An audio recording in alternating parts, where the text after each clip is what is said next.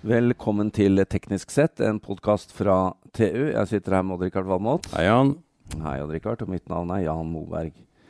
Du, Odd-Rikard, jeg ble sittende her og tenke forrige dagen på hvor mange år du har skrevet i, i TU. Teknisk Ja, det er nesten pinlig mange, vet du. Ja. Jeg begynte som frilanser Mm. i uh, 1985. Da snakker vi om 33 år. Det Ja, 33 år, ja.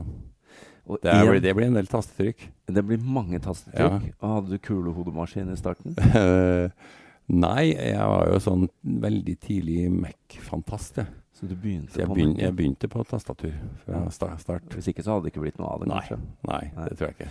Men uh, en av de tingene som, uh, som du har vært veldig opptatt av opp igjennom, og det vet jeg jo, for vi snakker jo mye om det, det er jo at du alltid har skrevet mye om oppfinnelse, gründerskap, entreprenørskap, og både i Norge og internasjonalt. Ja, det er jo det. Det er jo kanskje den mest fascinerende delen av uh, næringslivet rundt oss. ikke sant? Ja. Når, når noen finner opp noe nytt, og at de ser behovene og mulighetene og markedene og teknologien, ikke minst. Hvordan det kan passe sammen. Og bruken av den. Uh, og der ser vi jo litt endring nå.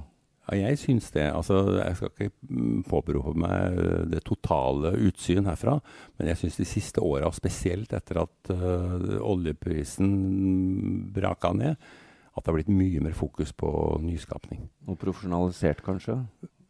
Også det, ja. Mer- vi hadde, vi hadde, vi hadde en såkalt entreprenørbølge på slutten av 80-tallet, altså Ja. før jappetida. Da var det jo, Folk visste ikke helt hva en entreprenør var, de trodde det var en fra byggebransjen. Ja. Men det var en del fokus på det den gangen. Men det var, ble flere entreprenørkonsulenter enn entreprenører. Nå er det ikke det lenger. Nå er det, nå er det profesjonalisert på en helt annen måte. Du har jo skrevet mange. om mange, mange hundre av disse her opp Ja, gjennom disse 33 årene. Det har jeg nok gjort, ja. Du har sikkert blitt uh, forsøkt lokket inn i et par av dem tidligere. Uh, ja. Du kunne vært sånn entreprenørmilliardær på Nasdaq. ja, jeg kunne ha vært eh, enten veldig fattig eller kanskje litt rikere enn jeg er i dag. Jeg er angrer på for- ingenting. Vi er glad for at du har vært hos oss. Men uh, vi må snakke litt om dette her. Og for å, for å snakke om den utviklingen, så har vi fått med oss uh, en dame som er Director of Corporate Partnerships, no less. Uh, Karianne Melleby, velkommen. Tusen takk. Du kommer fra miljøet Startup Lab. Det er riktig. Ja, og betraktningene til Odd-Rikard her, hva har du å si om det? Jeg tror nok Norge alltid har vært et uh, gründerland, egentlig. Mange Ja. hardtarbeidende folk som har tatt tak i det absolutt det minste de hadde, og klart å trylle det frem til uh, ganske store ting.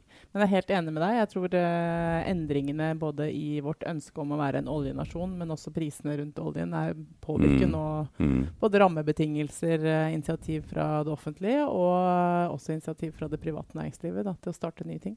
Før vi går inn på, på dette med hvordan de store kan bidra eh, fra de entreprenørene og, og startupene, må vi høre litt om Startup Lab. Ja, Startup Lab er eh, et lite selskap som er basert i Forskningsparken i, ved Universitetet i Oslo. Sitter midt imellom eh, Institutt for informatikk, matematikk, eh, Sintef, Norsk Regnsentral og alt annet av eh, Mm. forskning der oppe, som er kjempespennende.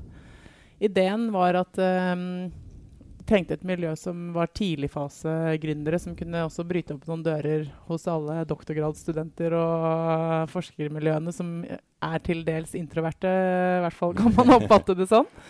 Så det der å få et miljø som uh, er så lite at man trenger å dele, uh, og bryte opp noen dører og invitere til diskusjoner, det var et ønske fra Oslo Tech den gangen.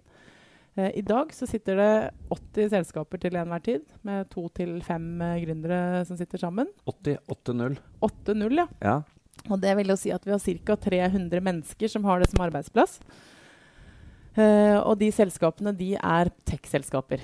Så de Ja. har alle det til felles. Mm. Eh, Hva legger dere i tech?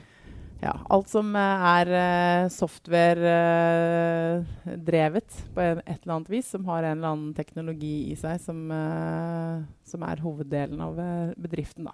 Så hvis du skal starte en eh, frisør eller et bakeri eller eh, noe som er mer fysisk, eller en ny byggeselskap, så er det nok ikke hos oss du finner de beste, det beste miljøet for å være en del av eh, det du trenger for å lære det. Men også hardware. Også hardware. Hardware er jo innpakket software som regel. Ja, ja, det er jo det. Så, så det, er- der har vi en kombinasjon hvor vi egentlig har sett flere av selskapene som har sittet hos oss. De har hatt et behov for å lage eh, pilotversjoner og tidligfaseversjoner av hardware. Bl.a. Remarkable og Hudley. Eh, og det der å reise til Kina for å lage en pilot, det er veldig både dyrt og tidkrevende. Eh, og usikkert, kanskje. Og usikkert, og du vet ikke hvor du skal. Så over tid nå så har vi klart å finne frem et miljø i Norge hvor det finnes gode hardware-produsenter som uh, blir en del av et, uh, et lite økosystem uh, hos oss. Mm. Og Viktig bare å påpeke, da, for de som lurer på det, så er det ikke sånn at dere hovedsakelig leier ut kontorer. Nei, hos oss er det ikke eiendomsforvaltning som er hovedfokus. hos oss er det det å få gründerne til å spire og gro. Så vi har, en, vi har selvfølgelig tilbyr vi de et sted å sitte og være. Men uh, hovedfokuset vårt er at vi er elleve mennesker som er ansatt på Startup Lab, som kommer fra næringslivet alle sammen. Fra Opera Software og Schibsted og Telenor og DNB og osv. Og, og det nettverket og den kompetansen vi har, er jo det vi tilbyr. Det er det vi driver med. Og det å koble de små med de store og koble de små med, med hverandre er uh, egentlig hoveddelen av uh, det vi gjør. I tillegg til at det finnes muligheter for å få tidligfase uh, investeringskapital. Ja, for dere har jo en investorgruppe sittende tett på. Ja, så vi har en liten investorgruppe. Det er ingen, det er ingen forutsetning at uh, selskapene hos oss må ta imot en investeringstilbud uh, fra oss. Og det er heller ingen forutsetning at vi tilbyr investeringer og kapital. Men uh, der hvor vi gjør det, så er det jo som regel fordi gründeren ønsker det, og vi ser et potensial som vi syns er spennende. Da. Det er litt som en sånn mikro-Silicon Valley med investorene i Sandhill Road og ja, og deg på dørstokken. Ja. Du bor jo omtrent eh, som nabo der oppe. Ja, jeg bor 300 meter unna, så jeg har sett det vokse frem. Mm. Og det er jo, men det er jo altså, Det her var jo litt av ideen fra starten øh, for flere tiår siden, skal jeg si. Men det er jo først de siste åra med Startup Lab og lignende tiltak i Forskningsparken at det virkelig har tatt fart, syns jeg. da. Det har vært mye sånne litt mye sånn utleie til forskningsinstitutter og sånt. Nå er det en helt annen fart i startup. Det er imponerende synes jeg, at Oslo universitet eh, og Oslo Tech, da, som det heter, eh, har klart å se hva, hva, hvilke ingredienser som skal til for å få et sånt miljø til å bli levedyktig over tid. Men nærheten til, til universitet og akademi også er viktig, da. Det, er det, det syns jeg har vært veldig spennende. Da kommer jeg fra næringslivet de siste 18 årene. Mm. Uh, og det der å komme tilbake til akademia og forskerbiten, som jo ligger ganske langt foran næringslivet, mm. uh, så er jo det utrolig spennende. Skulle inn på det, Karianne. Du eh, kom jo fra de store selskapers verden etter 16 år i Telenor. Så det er jo ikke akkurat startup-miljø? Ja, både ja og nei. For jeg startet jo i Telenor i år 2000. Og det var jo før selskapet gikk på børs.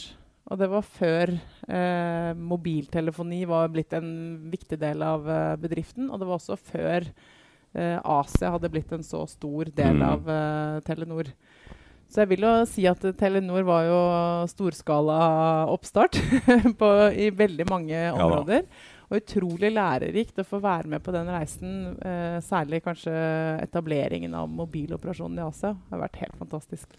Ja, og Richard, har jo flere ganger eh, lovprist Tormod Hermansen som en av de store innenfor norsk eh, utvikling, altså teknologi og næringsutvikling. Og måten han også lot mange blomstre blomstre på. da, og Tørre å la internkonkurranse virke. Å, så det er klart det hadde en, en startup. Eh, ja, han var, han var, en fantastisk eh, ja. gründer i et stort selskap. Og det var jo mange på teamet hans som ikke kunne skjønne hva vi skulle med mobiltelefon, for vi hadde jo alle telefon ja. i gangen. Mm. Ja. Hva skal vi med det? Og da var det jo kjekt å ha Stig Herbern som kunne gå ut og ordne opp og lage noe på utsiden. Og det er jo en klassisk modell. Det er at eh, Tormod Hermansen klarte å sette det selskapet på utsiden og la de få holde på for seg selv helt til ja. det var bevist, og til det var en så stor vekst at det ble etablert. Ja. Men det er jo en grunn til, spesielt da, at uh, du nå er i Startup Lab. Det var jo en modig beslutning å gi seg et stort uh, industriselskap, eller etablert som det var, og så, og så bli involvert på denne måten. Men uh, du driver jo nettopp med dette med partnerskap med de store. Og du, dere har jo uh, en del i Startup Lab, en del selskaper som er store, som er interessert i de små. Ja, så noe av, uh, noe av det vi ser på som som vi virkelig kan bidra med overfor gründerne, det er jo å koble dem med næringslivet. I og med at vi alle har den bakgrunnen vi har. Eh, og vi kan ta ganske mange telefoner og få hjulpet til med å sette Mm. opp ganske mange møter der vi tror det er relevant. Og da snakker vi ikke nødvendigvis om å investere i startup-selskapene, men, å, men å få, for produktutvikling, da. For det vanskeligste for disse små selskapene, det er jo å få den første kunden, eller den Nettopp. første distribusjonen, eller den første testen. Så Mm. de partnerne vi har med oss, som uh, alt fra Telenor, DNB, Orkla, Obos, uh, Møller, Hafslund, Circle K, uh, Kartverket er med oss, Oslo kommune, Posten og NSB, og et spennende selskap som ABB, som er et multinasjonalt, eh, veldig high-tech-selskap. Uh, Aller, som er langt fremme på alle endringer innen medie og, og AF-gruppen, så er det jo klart at med et sånn type involvering av norsk næringsliv, som er hos oss uh, på ukentlig basis, de fleste av dem, og vi er hos dem, hjelper de med innovasjonsprosesser. De tar del i alle kurs som våre startup-medlemmer har tilgang til. Eh, alt fra mm, eh, tjenestedesign til eh, pitchekonkurranser og treninger, eller eh, utfordringer på hva er de gode metricsene hvis du skal Mm. lykkes med, med software-tjenester. Så er det jo klart at det miljøet vi har klart å skape, med å bryte ned eh, barrierene for å ta det første møtet, og også interessen hos næringslivet for hva som skjer eh, på tidligfase teknologi i Norge, det har jo vært helt avgjørende for den suksessformelen som uh, Startup Lab har klart Ja, å skape. det må jo være en erkjennelse hos disse store at de ikke klarer å gjøre alt selv. At det ikke er så lett å starte opp noe nytt for å true de eksisterende Ja, det er jo modellene. tilbake til det Telekom-eksempelet. da, Lage Ja. mobiltelefoner når alle har telefon i gangen, eller lage bildelingstjenester når du driver og selger biler. Der er jo Møller et veldig godt eksempel. Hvor Møller eh, hadde sin hyrebilsatsing, eh, som startet hos oss. Nå trengte de veldig fort en ordentlig garasje, for de driver med biler. så de flyttet fort ut igjen. Men den kombinasjonen av å starte et, eh, en utfordrer til deg selv, da kan det være godt å ha et gründermiljø eh, for eh, det prosjektet i en veldig tidlig fase. Og de store det er en viktig del av finansieringa. De betaler en uh, solid husleie, men det er vel en viktig vitaminpille, en billig vitaminpille for de. Ja, jeg vil jo si at de, eh, de er en veldig viktig del av finansieringen for oppstartsmiljøet. Og de er også, håper jeg, eh, fornøyde med det tilbudet de får tilbake. Mm. Det, det er jo ganske unikt å, få, å ha tilgang til 80 oppstartsselskaper hvor det er 40 nye hvert eneste år. Sånn at eh, den rulleringen av kompetanse som er oppe hos oss, som er tilgjengelig for alle våre medlemmer å komme og involvere seg i og lære av og ha som pilotkunder osv., det er jo helt unikt. DNB Mm. har jo kjørt to akseleratorer nå de to siste årene, hvor de selv tar inn eh, fem til syv selskaper i tre måneder. Og virkelig bruker nettverket internt i banken eh, som mentorer og fasiliterer eh, test Mm. for disse selskapene. Og det er kjempespennende for DNB. Men Karianne, nå må jeg komme inn på et tema som er litt vanskelig for en del av disse små.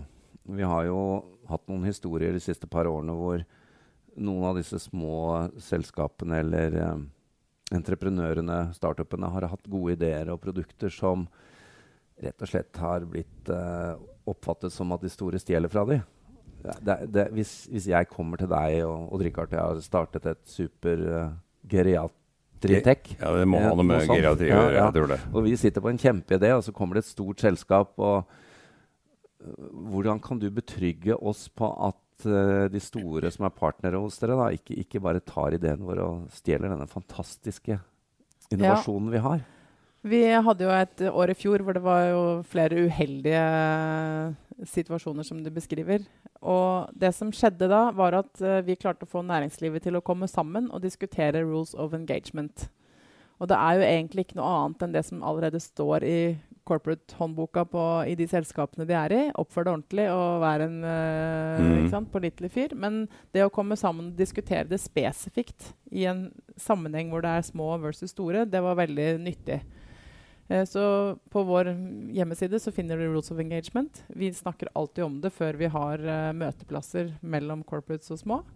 Eh, jeg hadde selv Forrige uke gjorde jeg en introduksjon for et, selskap, et lite selskap som jeg visste ville treffe på et miljø i et stort selskap som allerede var i gang med noe Ja, overlappende. Ja. Og da gjorde jeg begge parter oppmerksomme på at nå syns jeg dere, før dere starter Mm. samarbeidet eller diskuterer noe videre, ta dere en god, sett dere ned og se på hvor dere er i hvilke faser.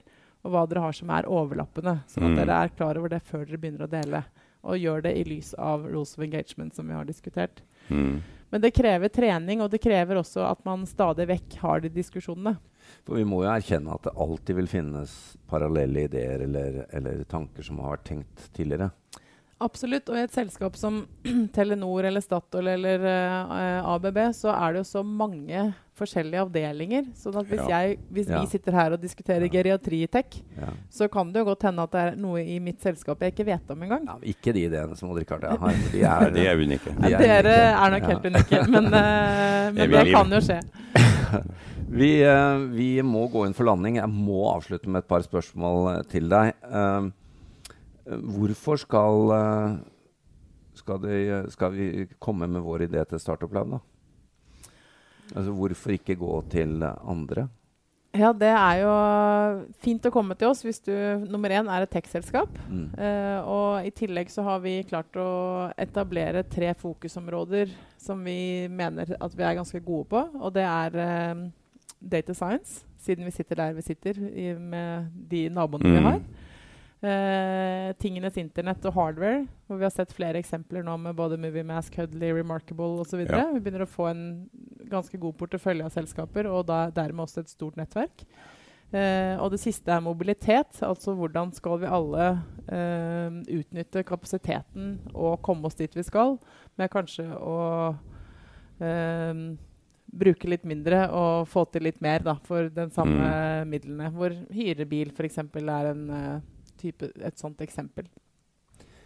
Det er eh, veldig spennende, Odd-Rikard. Jeg tror vi får eh, ta oss en eh, tur opp til Karianne og Co. og møte noen av disse selskapene. Vi skal har jo gjøre. Omtalt skal flere av dem. Ja da. Vi har alle de du nevnte nå, har jeg skrevet mye om. Så vi, vi må jo Karian, gjøre lytteren oppmerksom på at Odd-Rikard sitter faktisk her og bruker sin Remarkable. Ja, jeg ble Som- veldig glad når som jeg som jeg da brukte sårt tjente TV-midler til å kjøpe til ham, for jeg gjorde det med et veddemål.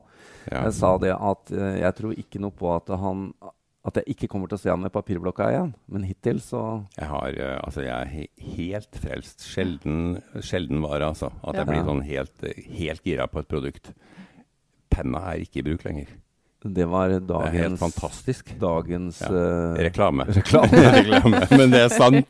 Karianne Melleby, tusen takk skal du ha. Og vi uh, følger spent med videre. Takk skal du ha. Velkommen til eh, Startup Lab. Takk, takk.